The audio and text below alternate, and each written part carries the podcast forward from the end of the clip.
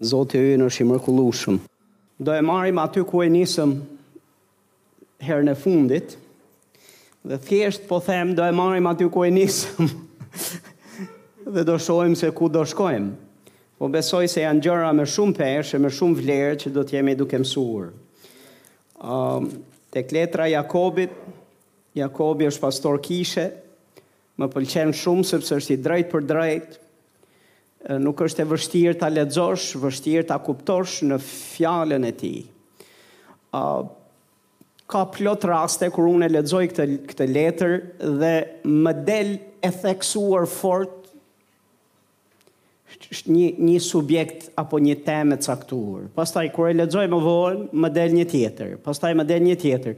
Po të gjitha ato që janë, janë po pjesë e shkrimit të shenjtë dhe që janë bekim. Po ajo çfarë dua të theksoj është rëndësinë e lutjes. Dhe se sa shumë theks i jepte Jakobi lutjes, që dukej se i qante zemra që kisha e tij të ishte kishë lutjeje. Që kisha e tij të dinte si të lutej, që nga pleqtë e kishës e deri tek foshnjët të cilët ishin pjesë e kishës Zotit. Ai donte të sigurohej që njerëzit e në trupin e Krishtit, pjesë e kishës Zotit, ta shihnin si alternativë të parë lutjen, Jo të jo të shihnin njeriun, jo të shihnin shërbesit, jo të shihnin miq, shokë, vëllezër, po të shihnin Perëndinë të parin dhe të vraponin tek ai në çdo lloj momenti, në çdo lloj kohe. Për shembull, te kapitulli 1 Mbasi ai flet vëllezër ta konsideroni gëzim të madh kur ndodheni përballë sprovash nga më të ndryshmet, mbasi iu është duke iu folur atyre se sa dhe si duhet i shohin këto gjëra, menjëherë i thotë a i mungon ndonjërit prej jush urtësia, thotë le t'i kërkojë Perëndisë, Vargu pesë, thotë le t'i kërkojë pra, le të kërkojë pra nga Perëndia. Nuk thotë le të shkojë dhe të ulet me pastorin dhe t'i bëjë ai shkollë Bible. Megjithëse pastori mundet të flasë dhe është është përgjegjësi dhe e drejta jonë si shërbes Zotit që ne të flasim. I nuk jemi kundër shkollave të Biblës, nuk jemi kundër librave, nuk jemi kundër kasetave, kundër mesazheve që ne i dëgjojmë nga njerëzit e Zotit, ne gjithmonë fitojmë urtësi. Amen? Po Jakobi thotë, nuk thotë, a i mungon ndonjërit prej jush urtësia? Hajdeni te unë si pastor, se unë do t'ju mësoj ju se si t'jeni t'urtë. E di shumë herë ne na rastis në kishë, për vendimmarrje të kishës. Kemi dy ekstreme, Një ekstrem është që s'na pyet, as nuk na përfill edhe as nuk vjen me tregu absolutisht asgjë, veç se kur marrim vesh se lindi fëmija dhe i është i është vënë ky emri. Marrim vesh që është marrë, janë marrë vendimet dhe i marrim vesh nga jemi nga të fundit që i marrim vesh. Ky është njëri ekstrem. Dhe shumicën e kohës, kur ti i pyet, po ç'ne pse kjo lloj pavarësie dhe shkëputje, ideja është se ne nuk duam t'ju shqetësojmë ju. Ky është njëri kanal. Dhe një rrugë ka dy kanale, një këtej e një këtej, po mirë është që të rrimë në rrugë. Amen, mirë është që të rrimë në rrugë, jo në kanal. Se si dole në këtë kanal, si dole në atë kanal, përsëri nuk është mirë. Njëra, njëri ekstrem është që vi, nuk pysin për asgjë, është një ekstrem tjetër. Ekstremi tjetër është në kish që vijnë dhe pysin edhe për gjëra që nuk kanë pse të na pysin. Dhe kur ne e themi këtë në kishë, një pjesë e besimtarëve thonë, o pastor, tani të pysim apo mos të pysim. Pastor, nëse shkon tek Perëndia, do dish edhe ç'pyetje të bësh. Amen. Dhe nëse Perëndia do të të drejtojë dhe të thotë që shiko, kjo është një gjë për cilën ti duhet diskutosh. Atëherë tërhiqu nga zemra e Zotit dhe bëj atë që Ai thotë. Por i pari ku ti du të shkosh është tek Perëndia. Dhe ju thashë javës kaluar se ka shumë rëndësi, te Perëndia ne shkojmë në fund. Një pjesë nuk shkon fare. Po është i fundit në listë. Dhe këtu jam duke fol për të shku te pastori, imagjino mos me shku hiç as te pastori, as te vëllezër, po me ia dal vetë. Dhe Bibla na thotë, mos e mbani veten për të ditur në sytë e tu. Dhe është shumë me rëndësi njerëz Zoti që ne mos ta mbajmë veten për të mençur dhe ditur, dhe për ta mbajt veten se ia dalim vetëm.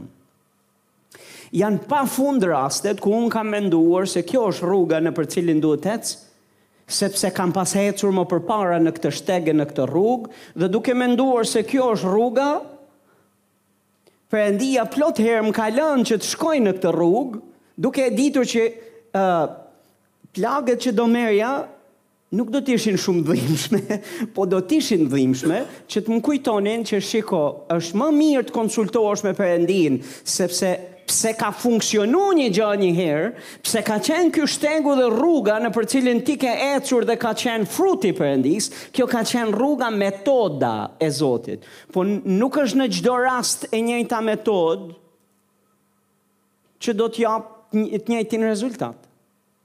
Ne nuk ndjekim metoda, ne ndjekim zërin e Zotit, ne ndjekim drejtimin e frymës shenjtë.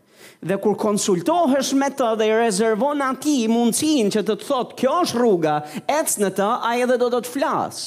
Dhe në qoftë se ti nuk, e, nuk i le hapësirë që të flasë, ai nuk ka për të folur.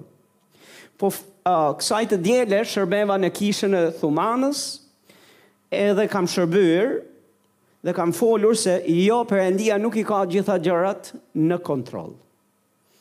Ai në dukje nuk i ka gjithë gjërat në kontroll, sepse është ideja se Perëndia i ka gjithë gjërat në kontroll. Nuk i ka gjithë gjërat në kontroll dhe mora se si nuk i ka gjërat në kontroll në këtë botë, se po të ishte në kontrollin e Perëndisë, kjo botë do ishte më mirë. Dhe do ishte krejt ndryshe. Por mora dhe rastin kur Zoti nuk është në kontroll të vetë kishës tij. Nuk është në kontrollin tonë, sepse ai, një karakteristikë e Zotit është që ai kurrë nuk uzurpon, nuk, nuk uzurpon vullnetin e lirë që ai na ka dhënë.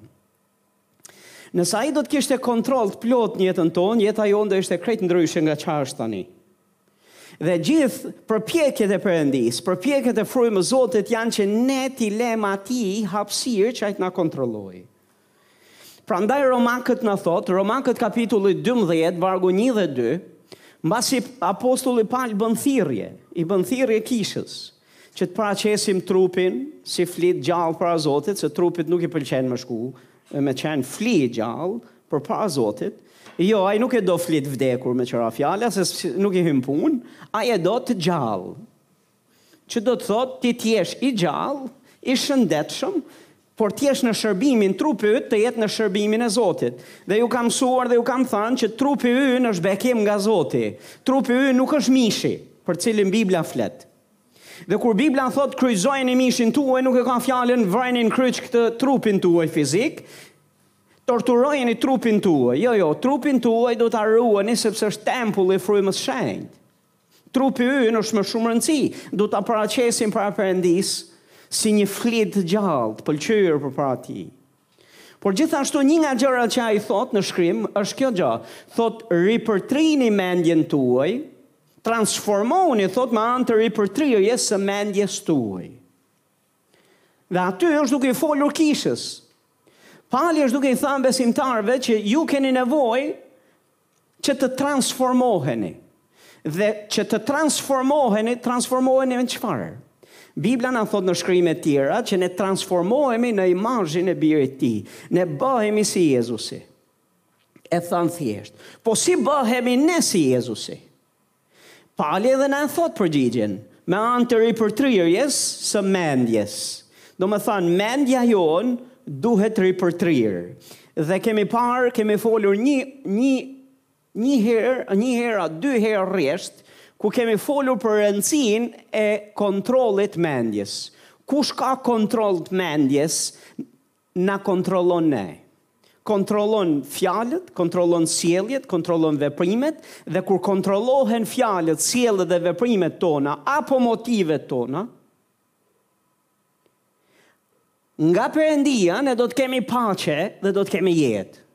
Po në qoftë se kontrollohen nga mishi ynë, kontrollohen nga i ligu, gjithashtu, kontrollohen nga mendime të kësaj bote, atëherë, njerëz Zotit, prodhimi që ne do të kemi nuk do të jetë i këndshëm për ne.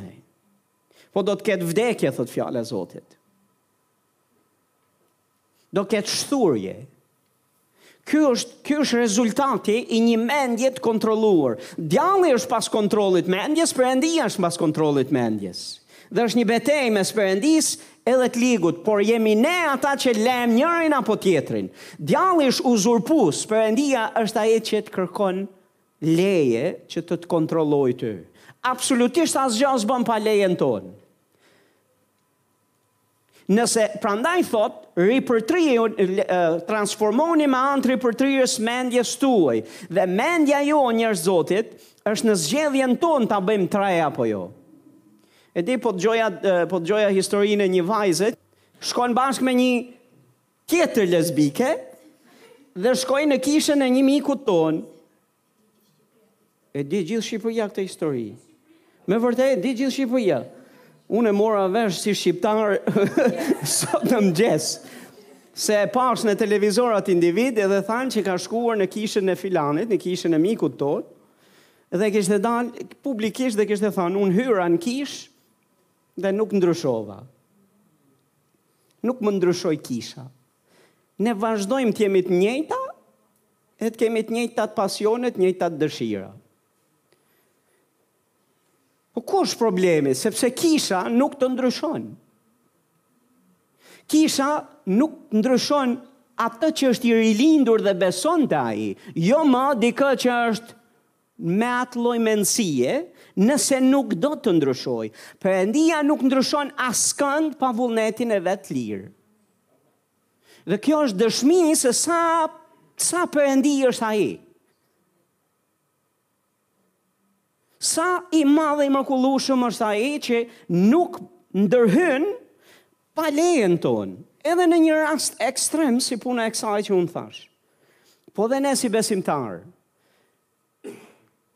Perëndia është mbas kontrollit të mendjes dhe do që mendja jote të ripërtrihet, të bëhet e re, të, marë, të përqafojë mendimet e Zotit. Në mënyrë që nëse ti përqafon mendimet e tij, kështu ai ka kontroll mbi ty. Dhe nëse ai ka kontroll mbi ty, ti do të kesh jetë dhe do të kesh jetë me bollëk. Ju kam fol kishë e Zotit dhe më pëlqen t'jua them përsëri. Po, në kishën fjala e gjallë bëjmë shplarje truri. Shh, pastor se na dëgjojnë. Jo pastor, do të na dëgjojnë. Shplar, shplarje truri. Po jo veç shplarje truri, shplarje zemre gjithashtu. Shplarje motivesh, pastor. Dhe për dhe ajo çfarë i shplan është uji i kulluar E vërteta e fjalës Zotit. Uji i pastër i fjalës Zotit. Rezultati, pastor, është që do dalin njerëz që do jenë plot me frutat e frymës. Që nuk besoj se kësaj bote, kjo botë nuk ka dëshirë që të ketë njerëz që i duron, që i donë, që janë të sjellshëm, që janë të drejtë. që nuk janë vrasës, apo e kam gabim? Po, në kishën fjala e gjallë, këtë gjë bën Zoti, këtë gjë këtë gjë bën fjala e fryma e shenjtë.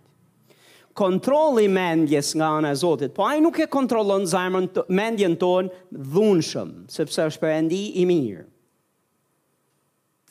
Dhe në qoftë se ti nuk e le, ti nuk do të transformohesh. Dhe më lini pra t'ju flas për fjalën transformim. Fjala transformim është fjala me, e, e njëjta fjalë që përdoret për metamorfozën.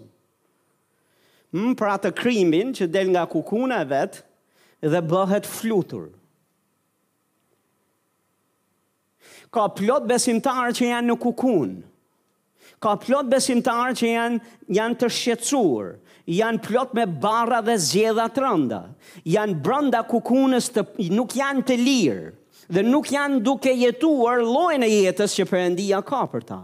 Përpiqen, përpiqen t'ia dalin, sa nxjerrin pak dorën, do ta fusin prapë brenda sepse ka shumë pak të çarat ajo kukuna. Dhe kanë nevojë që të dalin që atje. Sepse Zoti do që ne të fluturojmë të lirë, Zoti do që ne t'dukemi të dukemi ashtu siç Perëndia do në imazhin e tij. Ai do që lavdia e tij të shkëlqejë e të shndrisë mbi kishën. Ai nuk do që ne të rrimë të mbyllur në kukunë, të vuajmë, Njësoj si bota.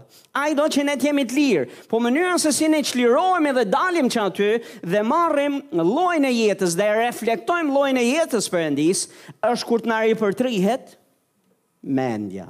Dhe Perëndia nuk na e ripërtrin mendjen pa uh, vullnetin tonë. Sot ju keni ardhur, keni paguar çmimin, jeni ulur në këtë vend dhe jeni duke dëgjuar fjalën e Zotit. Ishte me zgjedhjen tuaj apo jo? Dhe nëse ke ardhur me motivin e duhur për të marrë nga Zoti, ai këtë gjë është duke bërë, është duke të pastruar ty. Është duke të ripërtrirë mendjen, sepse duke ta bërë mendjen tënde të re, ai do të të kontrollojë ty dhe duke të kontrolluar ai ty, kështu do të ketë do të do të japë llojin e jetës që ai ka për ty. Amen. Po Perëndia është Perëndi që respekton dhe nderon zgjedhjen tonë të lirë. Tek zbulesa, Perëndia i flet apostullit Gjon dhe i flet për një nga kishat dhe i thotë, thotë këtë gjë, për atë kishë, thotë ja thotë unë rri tek dera dhe trokas, nëse dikush thotë ma dëgjon zërin, E hap derën. Unë thotë do të hyj dhe do të darkoj, do ha darkë bashkë me të. Tani, më lini t'ju flas pak për, për diçka që, për një realitet që Jezusi është duke folur këtu. E kujt është kisha? Më kush është zot shpije në kishë? Domethënë, kreu i kishës është Jezusi. Domethënë, ai është zoti i kishës. Ai e lindi kishën, kisha është trupi i tij, ne jemi gjithë gjymtyrët e tij, po ai është koka jonë, ai është kreu ynë, ai është zoti ynë. Tani më lini pak t'ju flas për këtë realitet. Ai qenka jashtë derës. Që do të thotë dikush e ka nxjerrë që aty. Sepse ai në fjalën e vet nuk ka dashur dhe është andrra e tij që ai të jetë në mes të vëllezërve, në mes të kishës. Dhe po të më pyesni mua, do thoja ça bëjmë, ça bënin ata të tjerët në kishë, se kush duhet të ishte jashtë kishës, për mua, duhet të ishte gjithkush përfshirë dhe pastorin e asaj kishe, duhet të ishin jashtë, edhe ai që duhet të ishte brenda, duhet të ishte Jezusi. Ç'ne Jezusi atje jashtë? Po ja që realiteti është që thotë jashtë. Thotë nëse dikush ma dëgjon zërin, që do të thotë, na le të ditur se Jezusi është duke thanë që askush s'po ma dëgjon zërin. Deri tani unë jam jashtë dhe asnjë nuk po ma dëgjon zërin. Nuk e di se çfarë zëri ishin duke dëgjuar ata brenda, përsëri them. Pra, gjëja tjetër që Jezusi tha është nëse dikush ma dëgjon zërin, Dhe vjen e ma hap derën. A mendoni se ai s'mundet ta hap derën? Pyetja tjetër është, mendoni se nuk ka fuqi për ta shqyer derën, e shqelmuar derën dhe për të hyrë brenda? Mm, a nuk a nuk do ishte që të hynte brenda në fakt? Mm, dhe t'i nxirrte që gjithë ça ishin brenda, t'i nxirrte jashtë sepse kisha është vendi i tij, është është zoti i asaj shtëpie. Po çfarë tregon kjo për Zotin Jezus? Kjo tregon se ai është ka këtë natyrë. Nuk uzurpon të drejtën e zgjedhjes edhe të kishës vet.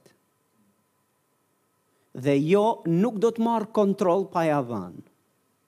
Jo nuk do të hyjë pa e ftuar. Jo nuk do të të ndryshojë po s'e le. Jo nuk do të të thotë shko këtej nëse ti nuk e pyet. Jo ai nuk do të të ndërhyjë në qoftë se ti nuk e përfshin në martesë, nëse ti nuk e përfshin në, në, në çështjet financiare tuat, në çështjet tua emocionale, marrëdhaniet me njerëzit, nëse ti nuk e përfshin, ai do të trokasë. Dhe nëse ia dëgjon dikush zërin dhe ia hap derën, që do të thotë e mirëpret dhe e le atë që të ketë fjalën e vet, ai do ta ketë. Ndryshe do rri jashtë derës.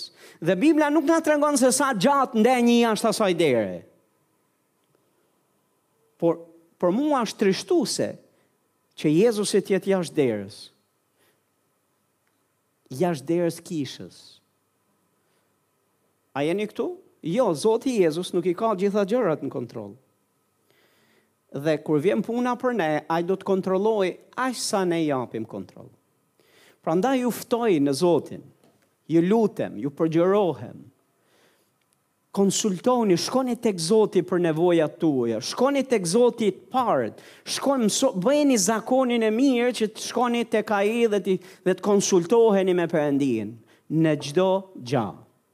Tani do ketë raste ku Ai ti do mësosh në, naty, në, në marrëdhënie me Të, që do ketë plot raste që Ai nuk do të të flasë. Le të themi bashkë, ai nuk do të më flas. Më lini ta t'jua shpjegoj për çfarë nuk do t'ju flas. Për shembull, nuk do t'ju flas për gjëra që ju ka folur këtu. Dhe nëse nuk ju flet më, nuk ka që t'ju flas kur jua ka folur. Nuk ka pse ta të flas dhe ai me duke njohur natyrën e tij, Sidomos kur sheh tendencën tonë, që ne të shkojmë dhe të varemi dhe kapemi veç mbas zërit të tij, mbas ëndrrave, vizioneve, fjalëve profetike, dhuntive të frymës, dhe duam që Perëndia kur të na flasë ne të jetë një takim spektakolar, një takim i mbinatyrshëm ku do duket se ai foli. Në qoftë se ne jepemi mbas kësaj dhe harrojmë këtë, dhe e lem me një anë se nuk është aq spektakolare mbajtja e Biblës në dorë dhe shfletimi i këtyre fletëve, se nuk është në fakt shumë spektakolar, është shumë i natyrshëm. Po kur ai e sheh që ne e lem këtë mbas dore dhe jepemi mbas këtyre, nuk do ta dëgjosh shumë zërin e Zotit. Sepse është një at i mirë. Dhe ai të do ty të mirëbalancuar. Dhe të do që ti të mësohesh të jesh studius i fjalës Zotit. Të jesh njeri që kalon kohë me fjalën e tij. Jo, ai nuk do të të flasë për çdo gjë. Hm, ka ca gjëra të ca pyetje që ne do t'i bëjmë, të cilat nuk kanë vërtet s'kan kuptim.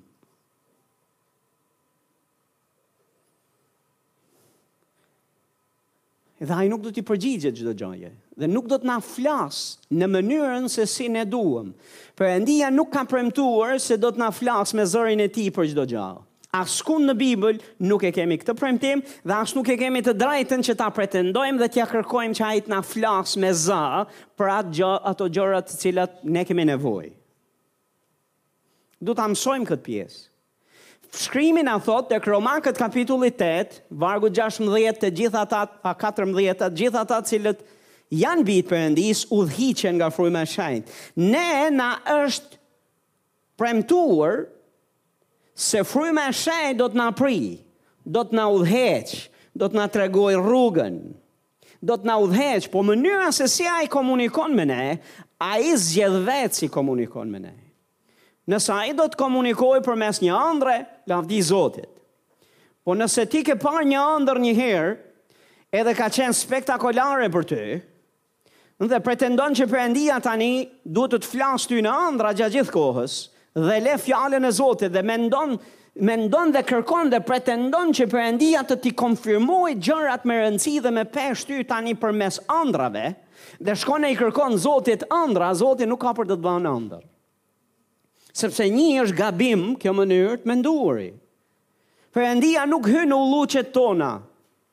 Ja u kam thanë në kafazet tona, në në në në ato kufijt tanë. Ai që duhet të përshtatet jemi ne, jo Perëndia me ne. Dhe Perëndia e di se ne na bën dëm, që ne të jemi kërkues të të të ëndrrave dhe ke plot besimtarë, fatkeqësisht plot besimtarë, një pjesë e mirë e besimtarëve që ne kemi rritur vetë, nuk e kanë këtë problem se janë rritur drejt, janë rritur mirë, po ka besimtarë që vijnë nga kisha të tjera, të cilët nuk janë mësuar mirë. Dhe fatkeqësisht shiko, shikojmë simptoma të kësaj natyre. Shikojmë që janë vazhdimisht kërkues mbas ëndrrash, mbas ëndrrave. Dhe besojmë ne, besojmë në ëndrra dhe në vizione. Nuk e di, e kemi një libër aty mbrapa Pranverë apo jo? Se kemi akoma? Ne besojmë në ëndrra dhe vizione nga Perëndia. Kemi parë ëndrra dhe vizione. Ju kam thënë, ëndrrat janë kur ti sheh një pamje je dhe je në gjumë. Vizione janë ato që ti i sheh me sy hap. Por janë pamje. Ndryshe nga hartimet, kemi thënë, hartimet e zemrës. Ndryshe nga poezitë të cilat ti je inspiruar t'i shkruash në një letër dhe i quan vizion. Nuk janë vizion ato pastor. Ato janë përsiatjet e zemrës tënde, ato janë poezi, poema, ka plot gjëra t'bukra të cilat i dëgjojmë prej jush që kanë dalë nga zemra juaj dhe janë shumë inkurajim kur i dëgjojmë, po s'mund t'i quajmë vizion. Vizioni është krejt tjetër gja. Dhe shohim tendencën për të kërkuar andrra. Ne nuk mund të shkojmë tek Perëndia dhe t'i themi Zot, kam nevojë dhe dua të dëgjoj zërin tënd. Vetëm zëri yt më bën mua që të lëviz. Po s'dëgjova zërin tënd, unë nuk e bëj asnjë hap. Besom ke për të nejtë në vend numëro për kohë të gjatë. Ky është zëri i tij.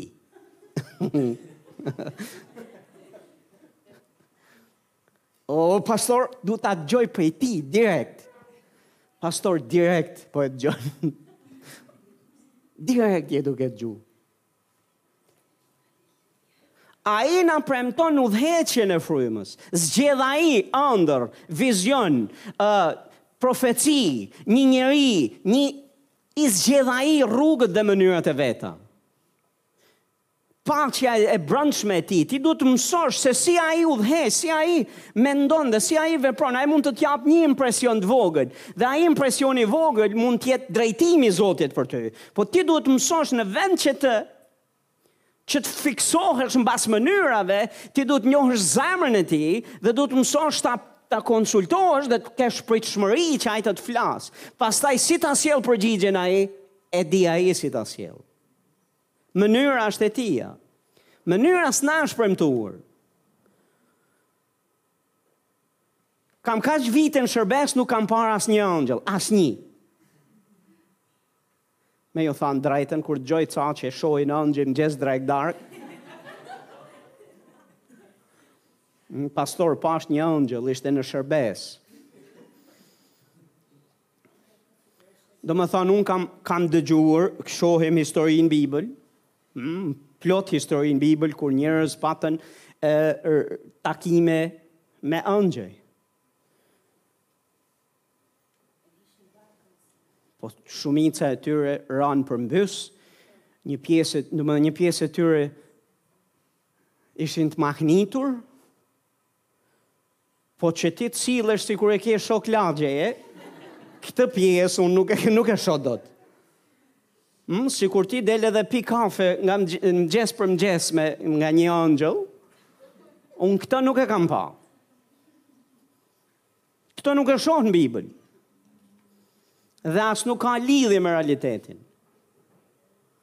Dhe pastaj nuk duhen ekzagjeruar gjërat. Gjërat e Zotit janë të shenjta. Janë të pastra. Dhuntitë e frymës. Dhuntitë e frymës janë të shenjta. Që t'i përdhosim dhe të lozim me to. Sepse janë të bekuara nga Zoti. Ca vite përpara, vijnë nja dy Dy a tre vajza kishin ardhur për mision në Shqipëri. Dikush i kishte adresuar tek Pastor Fatmiri, edhe donin që të takoheshin me mua dhe të më tregonin se çfarë donin të bënin në Shqipëri, edhe kishin nevojë edhe për një konsultë me mua, po edhe t'i jepja një lloj drejtimi me si mund të shërbenin në Shqipëri më mirë. Nga nderimi dhe respekti për individin që na kishte kontaktuar me njëri-tjetrin, shkova u ula dhe i dëgjova. Dhe në bisedë e sipër nga fundi i bisedës thanë, ne kemi dëgjuar që ti operon në dhuntitë e frymës shenjtë, në, në, në dhuntinë e profecisë. Kemi ardhur me pritshmëri, duam një fjalë prej teje. Na profetizo.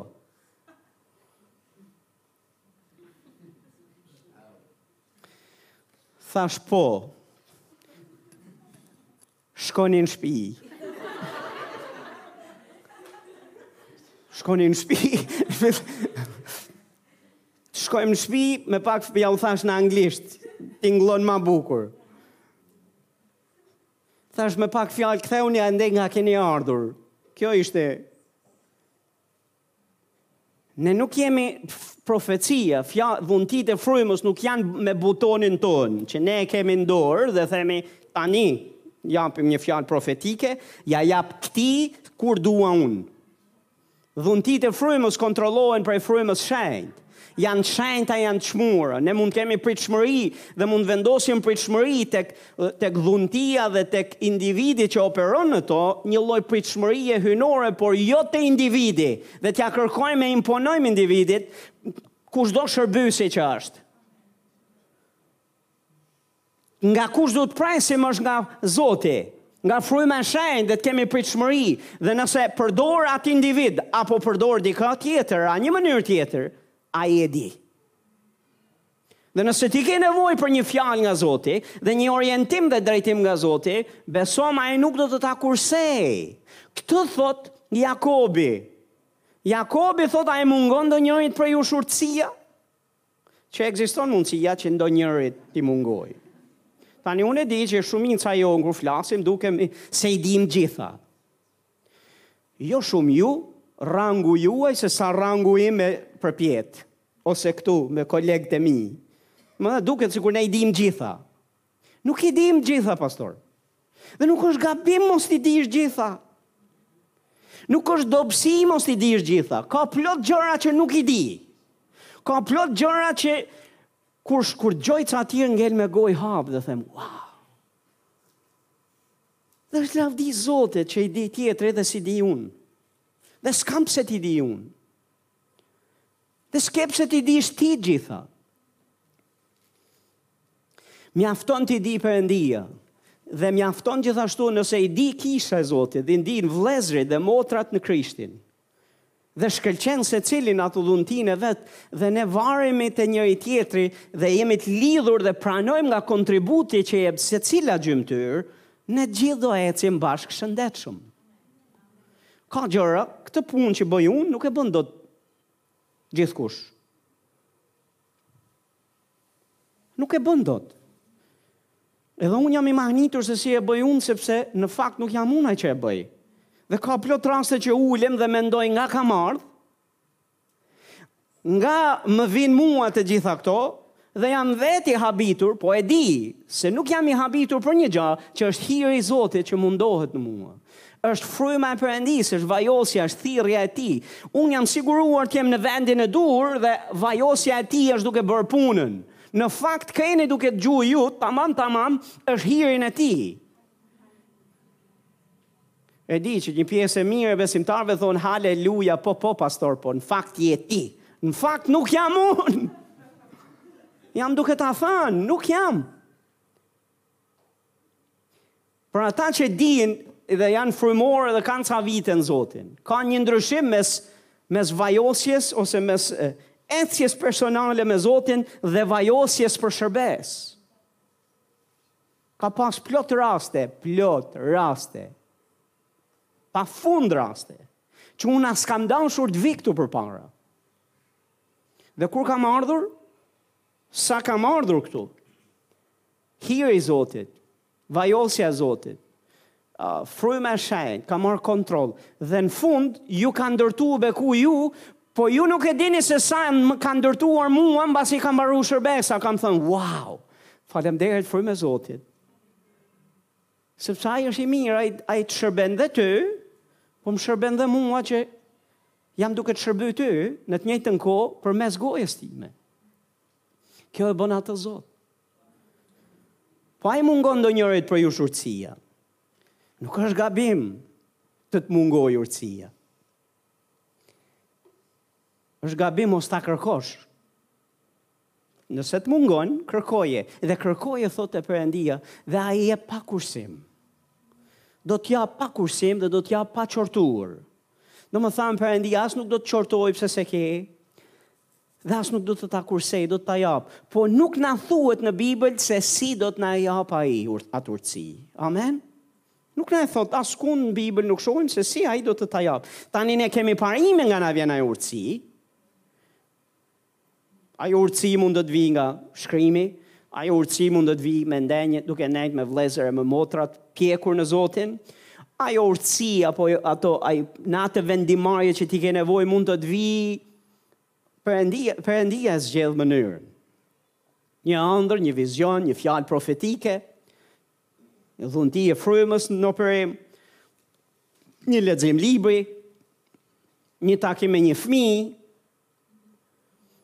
Unë jua kam thënë vite përpara dhe dua t'jua rikujtoj. Vite më përpara ishte një individ që donte të vinte në kishën tonë në Thuman atë kohë, dhe donte të të na ndihmonte financiarisht sepse atje kishim uh, kemi jetimoren, kishim jetimoren në aktivitet dhe ishte për ne kulmi i nevojës financiare. Realisht ishim në nevojë. Sepse kisha nuk e përballonte dot fizik, domethënë me ofertat e veta, as që bëhej fjalë, që kisha mund ta përballonte si, si mundësi, për t'u kujdes për shpinë e fëmijës. Donatorët të cilët kishin qenë në në në partneritet me shërbesën u tërhoqën për ca kohë dhe për 5-6 muaj ajo shërbesë me punëtor, me kujdesin për fëmijët ishte tërësisht, domethënë, pa ditur se nga do pa ditur burimin se nga do na vinin financat për t'u kujdes për atë shtëpi, fëmijë. Fëmijët donin bukë. Punëtorët gjithashtu donin pagesën e tyre. Dhe nuk i dinin këto dinamika se ça ndodh mbrapa. Dhe ne ishim në këtë në këtë fazë. Nuk kishte shumë që ishim bërë pastorë të kishës atje. Kishim nevoja tona personale, kishte nevoja kisha dhe në kushte të tilla Ne bëmë atë që duhet bëjmë, kërkuam Zotin. Dhe në ato ujra, na vetë ofrohet dikush për të ndihmuar. Mirë, po çuditërisht përbrënda meje nuk isha rehat. Po nuk isha rehat për atë individ, dukej i ëmbël në, në të folur, dukej çdo gjë dukej mirë, kështu nga jashtë. Dhe oferta dhe dëshira e tij ishte që ai të merrte ca kontakte që ai kishte dhe t'i lidhte me shërbesën tonë. Por përbrënda meje nuk isha rehat. Gjithsesi, duke pas këtë lloj parehatie, po pa e pasur përgjigjen pse Jam kështu në këtë gjendje parehatie. Çfarë kam unë që jam i i i trazuar kur dikush është duke u sjell shumë sjellshëm, njerëzor dhe është duke më zgjat dorën me më ndihmu. Ça ka që unë jam i trazuar, pse? Jemi, jemi frymorë, apo jo? Kemi frymën e Zotit, apo jo? Dhe në kushte të tilla, Me thënë, është mirë që ti afër zërë praninë e Zotit, që ti të marrësh një përgjigje. Pse je kështu? Dhe jo ta neglizhosh atë lloj ndjesie që ke përbrenda teje. Ka do ketë plot raste pune apo raste martese apo raste lloj-lloj rastesh ofertash dhe mundësish, që ti në të natyrshmen duket mrekulli, po përbrenda teje do të ndihesh i trazuar. Në qoftë se ndihesh i trazuar dhe nuk i ke përgjigjet, kërko Zotin derisa të marrësh përgjigjet. Dhe nëse nuk i merr përgjigjet, Do të të mësoj pastor se ka vetë ajo ndjesia që ke përbrenda teje është përgjigjja në fakt. Vetëm ti duhet të mësosh ta interpretosh atë gjë. Tani ka plot raste që individi në fjalë si në këtë rast, ky individ nuk ishte, nuk po them se ishte i lig. Po nuk ishte për të ecë në në shërbesë me ne. Nuk duhet të ishim në partneritet të lidhur së bashku. Dhe ky është shpjegimi që mora më vonë nga Zoti. Jo domosdoshmërisht ishte zemërlig apo i keq, po hyrja dhe partneriteti në shërbesë do të krijonte një lidhje të pashëndetshme që do të na krijohej pengesë rrugës, të cilën nuk e shihja dot, por Perëndia e sheh dhe në qoftë se ne mësojmë të ecim me Zotin dhe dimë si të dëgjojmë prej tij, atëherë ai do të na do të na japë dritën. Po në një rast të tillë ishte kështu. U shkputëm për pak kohë dhe mendova thash ky e ka vetëm iniciativë. Si plot njerëz që kanë atë iniciativën, kanë fjalë të mëdha dhe në fund në fund kanë veç premtime dhe fjalë. Të thash, ok, kështu do të jetë edhe kjo. Me idenë që shiko, me të thënë drejtën, nuk dija përgjigje, ç'të përgjigje t'i jepja në zemrën time kësaj këtij rasti. Po, kaloi ca kohë dhe më mer, na merr në telefon. Ky individ merr në telefon dhe thotë, kam marrë një biznesmen nga jashtë, i cili të cilit i kam folur për jetimoren, i kam folur për punën që je duke bërë, do donim të vim të shohim fëmijët, t'i takojmë edhe të flasim pastaj për dhënje donacionesh. Si mendon, më tha, a je i gatshëm ti? Për mua ishte sikur më kishte kap dikush për fyti. Të njëjtat ndjesi u rikthyen. Dhe ndërkohë që i kisha këto ndjesi dhe nuk kisha përgjigjen, po lutesha. Dhe po lutesha e po lutesha në frymë në çdo lloj mënyre që di të lutem. Dhe po kërkoja Zotin çfarë të bëj Zot. Ta marr këtë hap, ta hap këtë derë, meraku im ishte po e hapa si derë, do nëse do shkosh deri diku, Pastaj mund të jetë e dhimbshme mbyllja e derës, se është më mirë ta mbyllësh derën e t'i zgjidhësh gjërat te dera se sa kur të hyjë brenda. Dhe ndërsa isha në gjitha këto mendime, Joeli ishte rreth 3 vjeç, ishte duke loz me lodrat e veta në, në mes dhomës, duke loz me lodrat e veta, unë isha në, në guzhinë, Dhe Zoti më foli, dhe Zoti tha pyte djalin tënd për këtë situatë. Tani unë e njoh Zotin dhe e di mirë kur ai flet. Dhe e di mirë kur ai është duke drejtuar në një gjë dhe dëgjova qartë, më tha pyte atë. Dhe i them Joel, Joeli siç po loste më kthehet nga unë, i them kështu kështu kështu është situata. Dhe i fola siç jam, siç do isha duke folë me një njeri të pjekur, të rritur. Bab, ne kemi një jetimore, një fëmijë tre vjeç. Kemi jetimoren në Thuman dhe ne kemi qenë në ngushticë financiare. Fëmijët jetimë kanë nevojë për kujdesje dhe ushqim e gjitha këto dhe kemi nevojë të madhe financiare. Na është ofruar një individ me një bashkë me një biznesmen të cilët duan të vinë dhe të japin në këtë shërbesë. Ti, thash, si mendon, duhet t'i pranoj unë këto, apo jo? Dhe ky siç ishte, jo!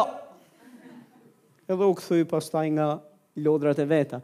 E thash unë këtë jon, po joja e tij ishte, ishte një jo aq e, aq e fort.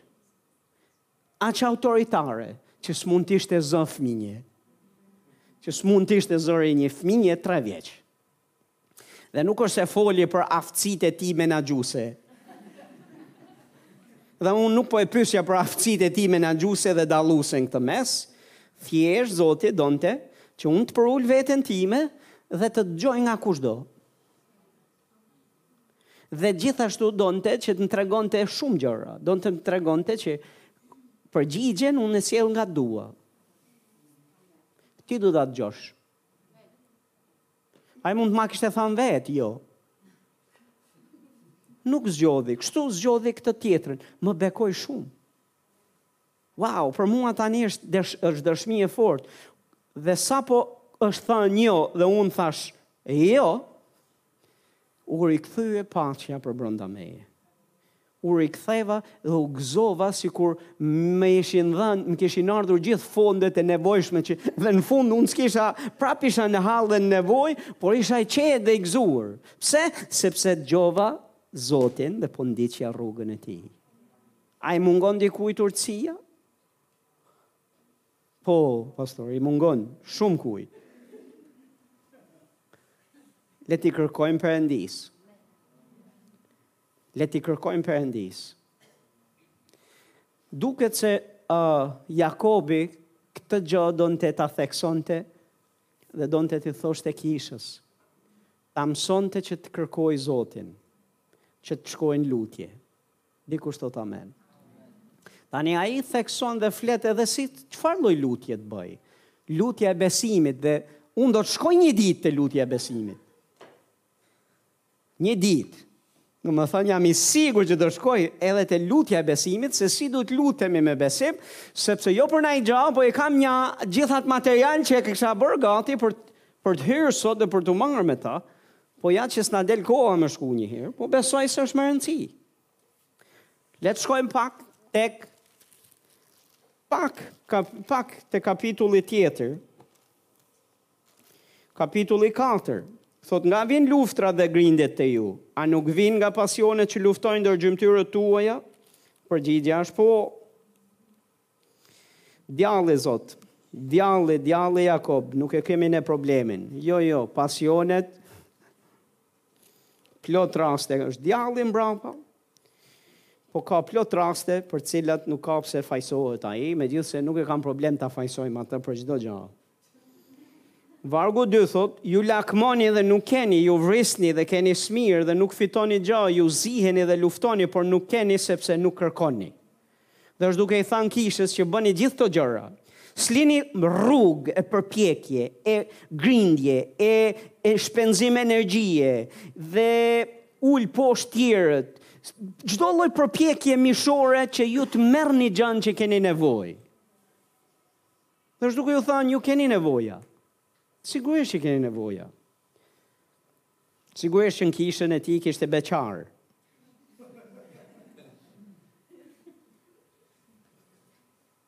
Po ka një mënyrë të përëndishme për me gjetë njeriun e duhur të jetës. Nuk ke pse grindesh, zihesh, mërzitesh, xhelozon, Nuk ke pse, më pa s'më pa. E pashë po s'më pa. I thashë po s'më dëgjoi. Boll u përpoqa t'i them, e, më pa po kaloi rrugës. Besom, nëse ti shkon tek Zoti dhe kërkon, këtë thotë Jakobi, ke këtë nevojë, Pastor, nuk është duke folë për këtë nevojë. Po nuk e di pse më del kjo nevojë, herë mbas here më del kjo nevojë aty. Më e kemi gjysmën e kishës, beqarë, në rregull. Nevojë është, është nevojë. Po nuk ke pse zihesh, nuk ke pse vret, nuk ke pse ke smirë. Sepse s'do fitosh gja, Nuk ke pse i jepesh xhelozive dhe rrugëve mishore që ti të arrish gjënë që do.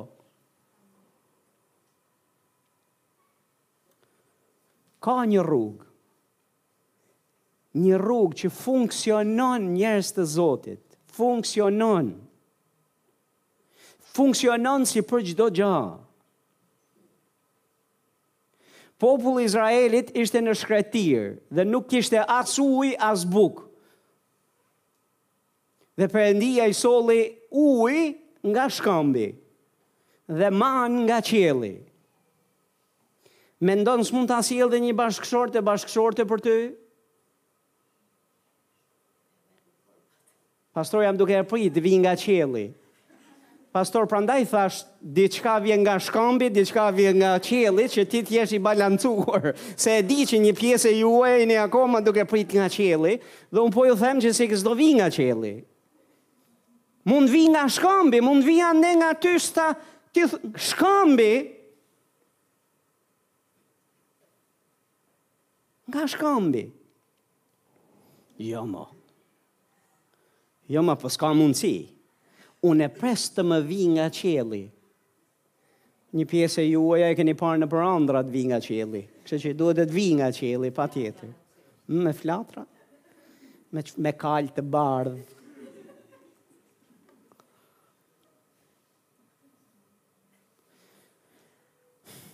Jakobi thotë, a të mungon naj gja? A të mungon naj gja? Shko e kërkoja Perëndisë. Dikush thotë, do ia kërkoj Perëndisë. Më dëgjoni të fusësh shkues Perëndinë. Unë po ju them si pastor. Është e urtë. Besomni është e mirë. Është e urtë. Mbaj mend vite përpara.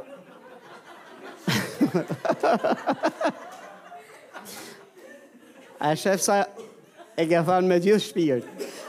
Shko, merreni si, unë e marr si kompliment një. Lavdi Zotit, asht Zoti i mirë. Edhe vite më përpara, mbaj mend një vajzë në kishën ku kemi pas qenë, jo te kjo ku jemi tani. Lavdi Zotit që i kemi ca histori nga kishat e tjera ku kemi pas qenë, që ju mos mërziteni. Hmm, po te ajo kisha ku ishim, kishim edhe ne ca të rinj atëherë që donin të martoheshin. Dhe mbaj mend një vajzë që foli me gjithë shpirt gjënë që i kishte në mendje. Po kush na sheh ne, tha këtu ku jemi. Mirë, mirë, po lutemi. Po kush na shef? Këtu ku jemi, unë jam në punë, jam në zyrë, mbaron zyra në shpi. Nga shpia në këtu s'kemi asnjë urë apo një vend ku ne mund të shohim. Dhe në atë kohë një prej atyre që po mësoja isha unë. Erdhi dhe dita ime. dhe këto, këto fjalë më vinin mend, kush të sheh ty? Kush do të të shohë ty në zyrë këtu ku je? Isha administrator në atë kohë, administrator në kishë, dhe kisha, ora, kisha 8 orësh me nejtë brënda zyrës.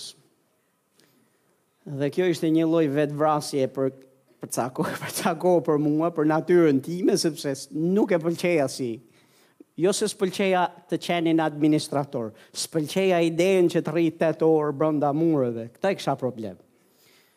Nuk është gabim, njerëz të Zotit, mund ta kesh këtë lloj. mund të kesh qef që të dalësh. Dakord? Ka ca të tjerë që ju pëlqen të rrinë brenda. Dhe mbaj mend që mendosha dhe vinin mendime të tilla, më tingëllonin fjalët e asaj që kisha dëgju. Kush do të shohë? Po ja që erdh dita që Perëndia shikon për ty. Një nga gjërat që Zoti është karakteristike e Perëndisë është Zoti shikon. Është një emër i tij.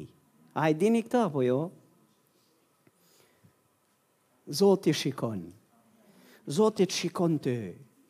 Zoti shikon nevojën tënde. Zoti i di nevojat tona. Zoti shikon, dikush thotë Zoti shikon. I vë re ai edhe gjërat e imta, edhe nevojat tona. Ai i shikon. Dhe i shikon me sytë e dikujt që kujdeset. Dhe ai shikon dhe do të sigurohet që ai të cilin ti pret të të shikojë gjithashtu.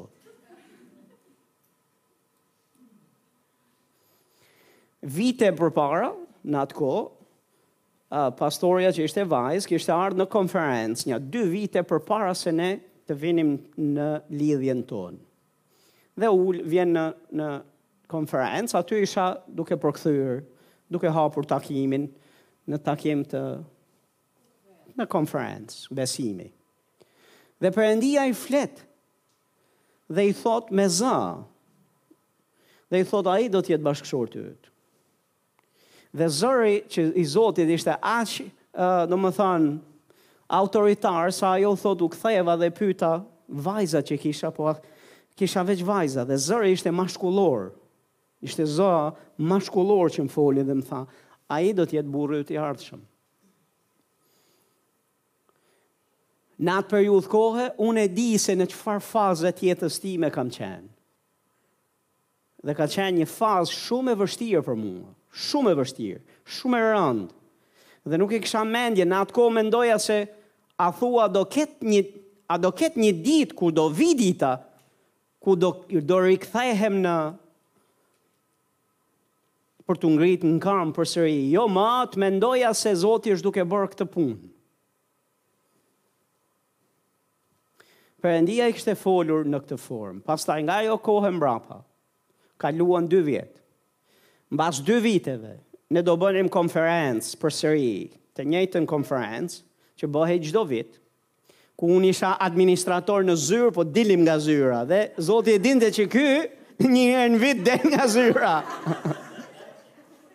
e di edhe kur del ti nga zyra, besom, e di. Sepse i shikon. Në zoti e dinte, okay, në këtë datë do dal nga zyra ky. Dhe dola nga zyra dhe shkova për të hap dyert e muzeut kombëtar. Ishte ftuar nga kisha e saj, jo e jona, sepse kjo ishte në kishë tjetër, ne ishim në kishë tjetër, dhe bashkëpunimet tona ishin aq të aq të ndara sa ne nuk shiheshim, s'kishim arsye për me u pa, me u taku. Në atë takim ishte ftuar grupi i adhurimit të kësaj kishe, të kishës pastores. Dhe këta do drejtonin adhurimin. Unë e mora vesh këtë minutat e fundit para se me shku në takim. E mora vesh që do vinë ata dhe nuk njihja vetëm drejtuesin e adhurimit, tjerët asnjë. Shkoj parkoj makinën tek Muzeu Kombëtar, e kisha nja 50 metra derën kryesore të hyrjes. Dhe sa parkova makinën, po mbyllja dyert, ngrita, ngrita sytë, dhe pashë që ishte një grup, grupi i adhurimit, të gjithë ishin tek dera. Dhe sapo i pashë, dëgjova Zotin që më foli dhe më tha, ajo vajza atje, dhe aty ishin dy vajza, ishte kjo bashkë me shoqen e vet. Dhe Zoti më foli qartësisht se si e pashë 50 metra, vetëm ata. Dhe Zoti më, tha, më foli qartë dhe tha, ajo do të jetë gruaja jote. Dhe ishte aq e, aq e, bindëse fjala e Zotit, sa që fillova të bëhem nervoz, dhe nuk doja të shkoj të hap derën. Doja të rri aty te dera, te, te makina, sillesha vërdall, thoja, o zot, po ka naj tjetër t'jau hap këtë derë. Tashi si t'shkoj t'i takoj, fillova të bëhem nervoz, tash do shkoj takoj dhe do i them si, ti je gruaja ime, a e di? Se sa ma tha Zoti këtë gjë. Jo ti, kjo. Se u skuq Gjoni, nuk i kësha me ty, vla. Ishte thjesht ilustrim. Po, ashtu është. Dhe s'doja të shkoja se me, fillova të mendoj, thash si do. Besomni ishte një nervozitet i bukur, po ishte, në, ishte nervozitet sepse e dija, sepse s'kisha shku me atë mendje. Ishte tërësisht frymërore dita. Kisha dalë nga zyra, po shkoja për gjëra frymërore. S'e kisha fare mendjen, besomni nuk e kisha mendjen fare. Prandaj edhe e di që erdhi, kur erdh ajo fjalë, më gjeti, më gjeti pa prek, ishte befas. Dhe e dija që Zoti foli. Këta më prisnin, Unë rri atje tek Në fund do të shkoja unë se s'bën. Shkova. Shkova atje dhe shkoja u jap dorën të gjithëve dhe u them si je, a je mirë, si je mirë, ja atyre të gjithëve dhe shkoj te kjo nga fundi. Te kjo ja jap dorën kështu si je mirë. Nuk e pash në sy, sepse e kisha e kisha shumë problem ta shoh. Se isha kaq nervoz, thash unë do e shof. Po si do e shof?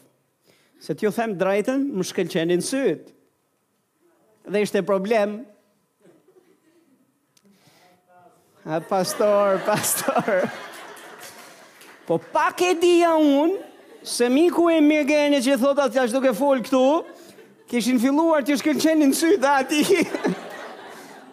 Ah, Mirgen, Mirgen. Se mbasi u takuam me njëri tjetrin, jo mas është, mbasi ne u lidhëm me njëri tjetrin, i them Mirgen, kam një gjë, një lajm të mirë me të thanë. Dhe sa, thotë edhe unë kam një lajm të mirë me të thanë. Në të njëjtën kohë që mua më shkëlqenin sytë për bashkëshorten time, ati për Pranverën e vet. Kështu që nga ajo ditë mbrapa ju bën sytë pranverë. Okej, zoti më foli. Hymë brenda në sallë, ajo ishte në adhurim, lart në skenë, duke adhuruar Zotin, unë isha ulur në, isha më komod, isha atje ku jeni ulur ju sot. E di, jo gjithmonë është gabim e keq të jeni atje. Sa mirë është nga një herë të jesh atje. Dhe isha aty, aty dhe e shihja që atje dhe thash, po mirë një herë ta shoh, më pëlqen kjo. më pëlqen kjo që Zoti tha do të jetë bashkëshortja jote. T'ju them të drejtën. Më pëlqeu shumë. Më pëlqeu aq shumë sa m'u desh që t'i them Zotit, m'u desh që t'i them Zotit Zot. Të, të lutem. Tani tani kam nevojë për që të hyj në frymë, të bëhem tërësisht frymëror dhe ta shkëpus veten. Dhe i thash Zot, të lutem, nëse kjo është prej teje, kam nevojë që ti të ma konfirmosh. Kam nevojë që ti vërtet të më, të më ndihmosh që ta shikoj që je ti vërtet. Sepse unë besoj se dëgjova zërin tënd. Por për gjëra me kaq peshë dhe me kaq rëndësi, duhen konfirmime. Pastorja ka qenë duke folë për ndjekjen edhe dallimin e vullnetit Zotit, apo jo? Për gjëra madhore njerëz të Zotit, mos u nxitoni kurrë. Dy tre dëshmitarë dhe Zoti nuk e ka problem të të japë dëshmi të forta dhe sidomos për martesë. Është nevojë normale, është nevojë etike, Perëndia e shikon, e di, të njeh ty, njeh edhe individin që të përshtatet ty. Dhe kur është shku sy yt, besomë, ai edhe e ka bërë gati dhe e di se mund të përshtatet me ty dhe do të të ndihmojë ty që ti të bësh progresin e nevojshëm që t'i përshtatesh tjetrit. Dikush thotë amen? Sot unë jam i bekuar sa nuk e shpreh dot me fjalë. Jam i bekuar në familje, jam i bekuar i plotësuar në shërbesë, jam i plotësuar në çdo aspekt që ka të bëjë me, unë kam filluar të jetoj tamam tamam në potencialin tim të plotë. Mbasi jam lidhë me, me pastoren tuaj, me gruan time. Jam i plotë dhe funksionoj mirë. Perëndia ka qenë i mirë me mua. Po të ishte për mua nuk do e kisha zgjedh, po të ishte për atë s'do më kishte zgjedh. Sepse as nuk njiheshim dhe as nuk kishim mundësi njohjeje në të natyrshmen që ne të njihnim njëri tjetrin dhe të ishim të siguroheshim që jemi rritur me të njëjtat gjëra, me të njëjtat. Por Perëndia ishte siguruar që çdo gjë të ishte atje ku e ka vendin. Ne ulemi flasim për gjërat e Perëndisë, flasim për shërbesë, flasim për flasim për ju, flasim për shumë gjëra të cilat kanë të bëjnë me jetën tonë. Dhe un jam i mahnitur kur ulem dhe flas me këtë grua, sepse kur un flas me të, është njësoj sikur dëgjoj zemrën pjesën tjetër të zemrës time. për sa i përket shërbesës, për sa i përket ku jemi duke shkuar, çfarë jemi duke bërë. Dhe nuk shoh dikë që është e frustruar në shërbesë. Dhe sikur të jetë duke të jem unë duke e tërhequr zvarr që të vijë mbas meje në kishë. Që të vijë me zor dhe t'ju shërbejë ju. Ta tërheq me zor për të dashur Zotin dhe për të bërë gjërat e Perëndisë. Ëh, kur të ulemi, ne të ulemi dhe ta kemi pikëpyetje, a do e bëjmë këtë gjë në mënyrën e Perëndisë apo në një mënyrë tjetër? Se për ne s'ka opsion tjetër. Dhe të gjitha këto janë lehtësi dhe është nuk ka frustrim martesa, nuk ka frustrim jeta. Ka paqe brenda, kur këto gjëra kanë vendin e vet. Por Perëndia di se kë të sjellë. Besomëni Perëndia di, shikon, është i aftë të zgjedhë një njeri më mirë se ti. Dhe Jakobi është duke thënë mos u zini. as gjelozoni, as mos keni smirë, as mos luftoni. Nuk ke nevojë të përpiqesh në mish që t'i bësh këto gjëra. Në qoftë se ti je i dashuruar me Perëndinë dhe në qoftë se ti e fton Zotin Jezus që të hyjë edhe në këtë fushë, të hyjë edhe në këtë në këtë çështje me rëndësi. Mund mm, kemi ca krenarë, të cilët thonë, nuk lutem unë për këtë gjë, më fal, po nëse ka një gjë për të cilën duhet të lutesh, është kjo gjaja këtu që jam duke folë. Duhet ta mbulosh me lutje. Me lutje. Mësoji fëmijët e tu që fëmijët të luten. Lutu për ta që fëmijët që të gjejnë bashkëshortin e bashkëshortin e duhur. Pse sepse pastor, aq e rëndësishme është kjo gjë. Sa ferri në tokë, a parajsa në tokë, domethënë, mund të jetë në varësi se kë ke në krah. Dhe është bekim që të kesh perëndi në anën tënde. Ki besim tek Zoti për këtë gjë. Komuniko zemrën me perëndinë, komuniko nevojën tënde, po edhe do të të mësoj pastor, kur të kërkosh, kërko me besim. Lëri Zotit pak kohë. Lëri perëndisë hapësirë, të të habisë, lëri perëndisë hapësirë të të flasë, lëri atij hapësirë të hyjë. Me një pjesë e jona i juaja keni nevojë të hiqni duart një herë nga përpjekjet tuaja. Kur të pushoni ju së përpjekuri, do të hyjë zoti në skenë. Për sa kohë jeni duke u përpjek ju në mish, Perëndia nuk ka se si të hyjë. Pse? Sepse ti je akoma më pa e pashë. I thashë, më tha, Sot, më duket se e patë mendjen. Kaloi nja një muaj, ti je, e, ti je, si je mirë. Ça ke? Nuk më pa më. Nuk e di se ça ka. Mbaj mend një djalë që ishte i dashuruar me çdo vajzë që na vinte te kisha. Dhe me secilën kishte vënë kurorë në ëndrrat e veta. Dhe ne e merrnim vesh shumë vonë mm, që a ky individ ishte dashuruar me X-in, me tjetrin, me tjetrin, dhe tjetra as e dinte fare. Dhe askush s'e dinte veçse kur vinte koha kur thoshte e nxirrte naj fjalë diku, Te familja e vet a te dikush që shiko unë kam pëlqim për filanin dhe ky pëlqimi kur thoshte ai e kam pëlqim, kur ne dëgjonim ai e kishte bërë dasmën, ai kishte bërë fëmijët, ai kishte bërë të gjitha gjërat, edhe propozimin dhe gjitha llojet e gjitha me gjitha i kishte ishte martu këtu. Ju lutem, mos u martoni këtu. Amen. Mos u dashuroni këtu. Mos ju jepni, mos jetoni në një realitet që s'ka ali, hajdeni me ko, lëjnë e jo me kokë në re, me këmbë në tokë.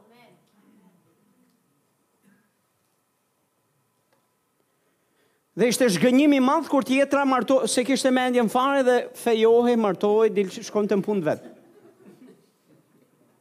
Ua, po kjo.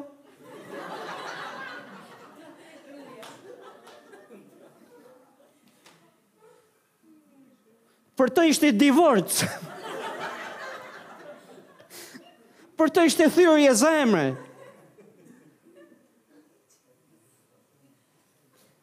Djem, vajza, të pastër në mendje, lëreni Zotin t'jua kontrollojë mendjen. Amen. Dhe kërkojini atij të ndërhyjë. Dhe kur të vijë ajo ditë, mirë se të vijë, ti do dashurohesh jo me një fantazi, po do dashurohesh me një njeri. Jo me flatra. Dhe mund të të vijë ndoshta ai yti me kalë të bardhë se zgjedh me të ardhë. Po në përgjithësi njerëzit normal nuk vijnë me kalë të bardhë. A jeni këtu apo jo? Janë njerëz si puna jote, me dobësi. Janë njerëz si puna jote, që kanë këndvështrime edhe ata të tyret. Janë njerëz të cilët kanë edhe ata botën e tyre ku ti s'ke qenë. S'ke qenë. Aty ka qenë nëna e tij.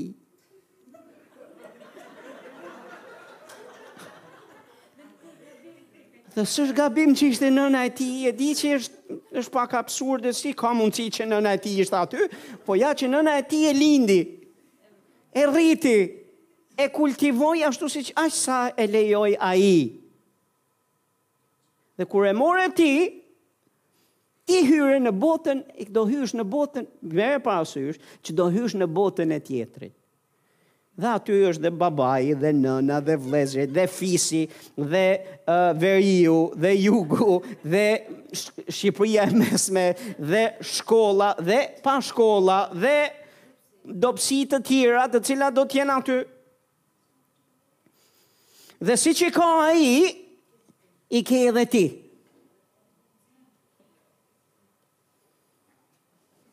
Au, pastor.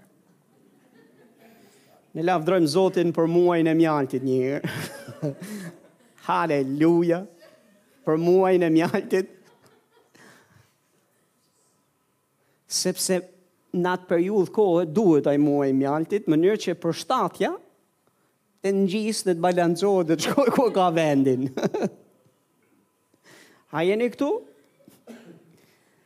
Po gjithsesi janë dy botë të cilat do të bashkohen. Ka plot vajza dhe djem që zhgënjehen Sapo, sapo, domethënë kanë fluturuar emocionalisht në qiell, pastaj sa të afrohen pak me njëri-tjetrin dhe janë duke diskutu, del ndonjë mendim ndryshe, del ndonjë këndvështrim ndryshe, del ndonjë rebelim të cilin ti nuk e kishe parë më përpara.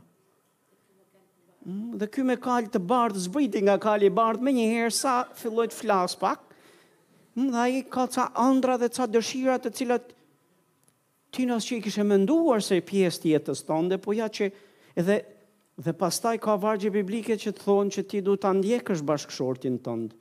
Këtë bashkëshort do të ndjek unë? Po, pastor, këta. Dhe vim në realitet, dhe vim te realiteti.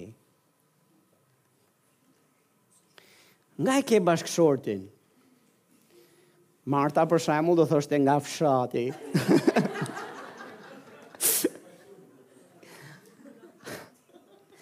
Apo e kemi pak më nga vë, nga nga fshati.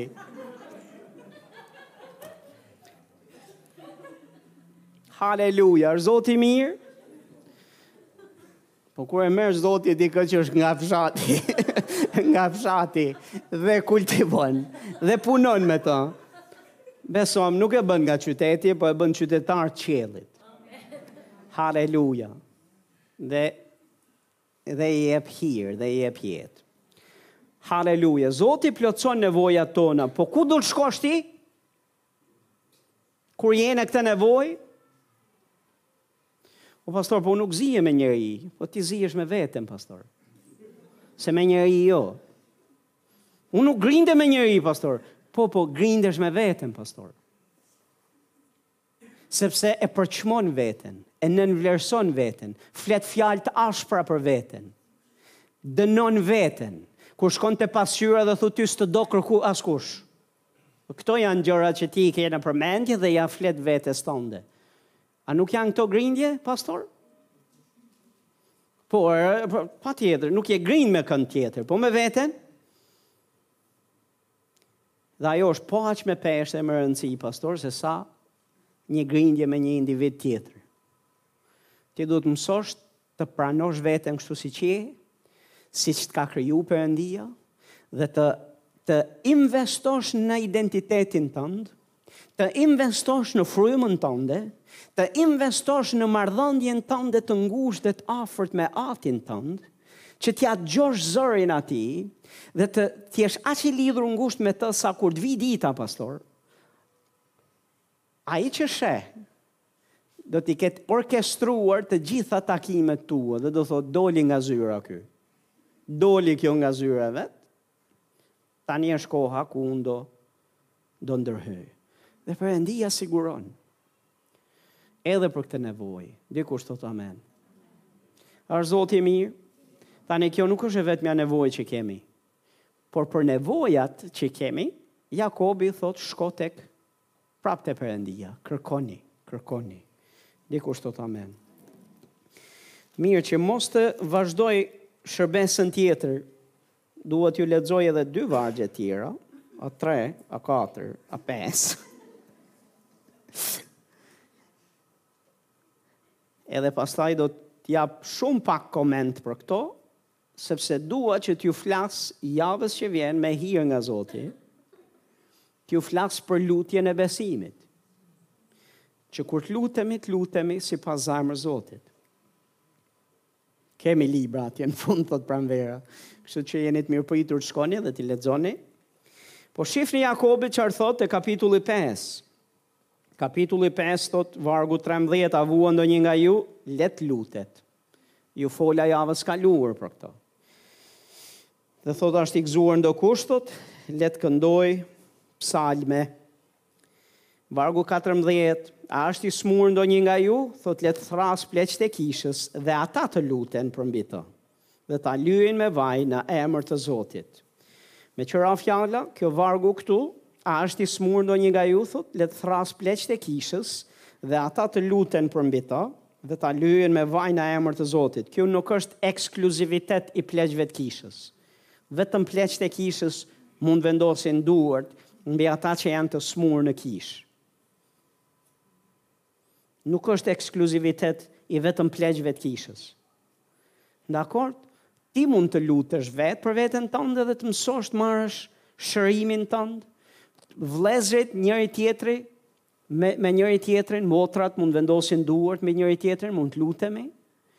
Por, është duke theksuar, është duke folur më tepër, theksi është tek foshnjët, ata që janë janë të rinj në besim, ata të cilët nuk dinë se ça është lutja e besimit dhe nuk dinë se si Zoti shëron dhe nuk kanë mësuar akoma të marrin shërimin nga Zoti vet. Dhe në këtë rast, ata që janë më të pjekur në besim, jo domosdoshmërisht pleq, fizikisht, por është duke folur për të maturuar, të pjekur në Zotin, njerëz që e njohin fjalën e besimit, që e njohin frymën e besimit, e që mund të luten për ta. Nuk është ekskluzivitet i tyre, po gjithsecili prej nesh mund ta bëjë këtë lloj lutje dhe për këtë dua t'ju mësoj. Vargu katërmbëdhjetë na thotë këtë gjan, pastaj vargu pesëmbëdhjetë thotë dhe lutja e besimit do ta shpëtojë të smurin. Nuk thotë pleqtë do ta shërojnë, por thotë lutja e besimit, që do të thotë theksi është te lutja e besimit. Dhe në qoftë se mësojmë të bëjmë lutjen e, e, e besimit, a e bën vetëm, a e bën një besimtar në kishë lutjen e besimit, a e bëjnë pleqtë e kishës lutjen e besimit, ajo lutje besimi ka për të dhënë rezultat. Thot lutja e besimit do ta shpëtoj të smurin dhe Zoti do ta mëkëmbë dhe nëse ka bërë mëkate do t'i falen. Rrëfeni fajet njëri tjetrit dhe lutuni për njëri tjetrin. A shifni ku thekson prap lutuni thot për njëri tjetrin. Me thënë, Jakobi është duke i thënë kishës, lutu kur je në vuajtje, këndo psalme që edhe ajo është formë lutjeje në vetvete, pastaj thotë kur është dikush i smur pleqtë e kishës të luten për ta dhe thotë pastaj të lutemi për njëri tjetrin. Zoti e do kishën të jetë kishë lutëse. Dhe në fund thotë rrëfeni fajet njëri tjetrit, lutuni për njëri tjetrin dhe do të shëroheni. Shumë fuqi, thotë, ka lutja e të drejtit kur bëhet me gjithë shpirt. Në qoftë se bëhet lutja me gjithë zemër, me gjithë shpirt, Dhe ne jemi të nga, nga i drejti, që mund të jetë plak kishe, apo mund të jetë besimtar në kish, nëse bën lutjen e besimit dhe mësojmë të bëjmë lutjen e besimit, ne do të shohim çlirimin e fuqisë Zotit si asnjëherë tjetër. Vargjet më poshtë na tregojnë për Elian dhe lutjet e Elias se si ndryshuan një komb. se si sollën një komb të të që kishte braktisë perëndinë dhe ishte kthyer idhujtarisë. Lutjet e atij burri kthyen një komb tek Zoti. Dhe na thot, Elia nuk ishte asgjë ndryshe nga ne si njerëz. Njeri ai, njeri ne. Po ai bëri lutjen me gjithë shpirt, lutjen e besimit dhe ndryshoi një komb. Dhe është duke na thënë Jakobi që edhe nëse ne mësojmë të bëjmë këtë lutje besimi e me gjithë shpirt, edhe ne mund të ndryshojmë kombe, e mund të ndryshojmë kombin tonë. Dikush thot amen. Ky është Jakobi i flet kishës dhe është duke i thënë lutje. Sa kohë lutje kemi në jetën tonë? Praktikisht, kur lutemi, pastor? Vetëm kur vuajmë? Kur lutemi, pastor? Dhe sa lutemi? Këto janë pyetje që secili prej nesh duhet t'i japë përgjigje praktikisht vetë. Dhe kur ti je në nevoj, apo kur ti je nëpër këto, uh, kur je në vuajtje, i shtrënguar, apo qoftë dhe i gëzuar, a shkon tek Perëndia t'i ndash këto me ta? A është ai i pari me cilin ti flet? A është ai i pari me cilin ti shkon dhe ndan zemrën? Pastor, unë të këshilloj që ta njohësh Zotin në këtë dimension personal. Ti personalisht me Zotin. Të rrish me ta. Ai ka qejf, ka dëshirë të rrijë me ty. Ai të fton t'i afrohesh. Ai thotë që nuk të afrohet nëse ti s'i afrohesh. Në fakt, ai thotë afromuni dhe unë do t'ju afrohem. Që do të thotë ai pret që ne të bëjmë hapat. Një hap i yni, shumë hapa nga ana e Zotit. Një hap i yni drejt tij, shumë hapa të tij drejt nesh. Po hapat tona janë duke i hap derën. duke i thënë, Zot Jezus, mos rri jashtë derës time, jashtë shpisë time, jashtë mendjes time, jashtë martesës, jashtë nevojave të mia. Unë dua që ti të vish dhe të më kontrollosh mua. Dua të kontrollosh gjithë jetën time. Amen? Ti do ndryshosh, aq sa e le Zotin të të kontrollojë. Ti do të përjetosh nga jeta e tij, aq sa do e lesh Zotin të të kontrollojë dhe të të japë Po të ishte në dorën e Zotit dhe se do të kishte kontroll në jetën tënde, ti do të ishe i plotësuar në shumë anë, do ishe komplet një njeri tjetër nga që je sot. Qoftë ti, qofsha unë këtu. Ne duhet të mësojmë t'ia dorëzojmë veten Zotit, edhe ta lajmë atë të ketë kontroll.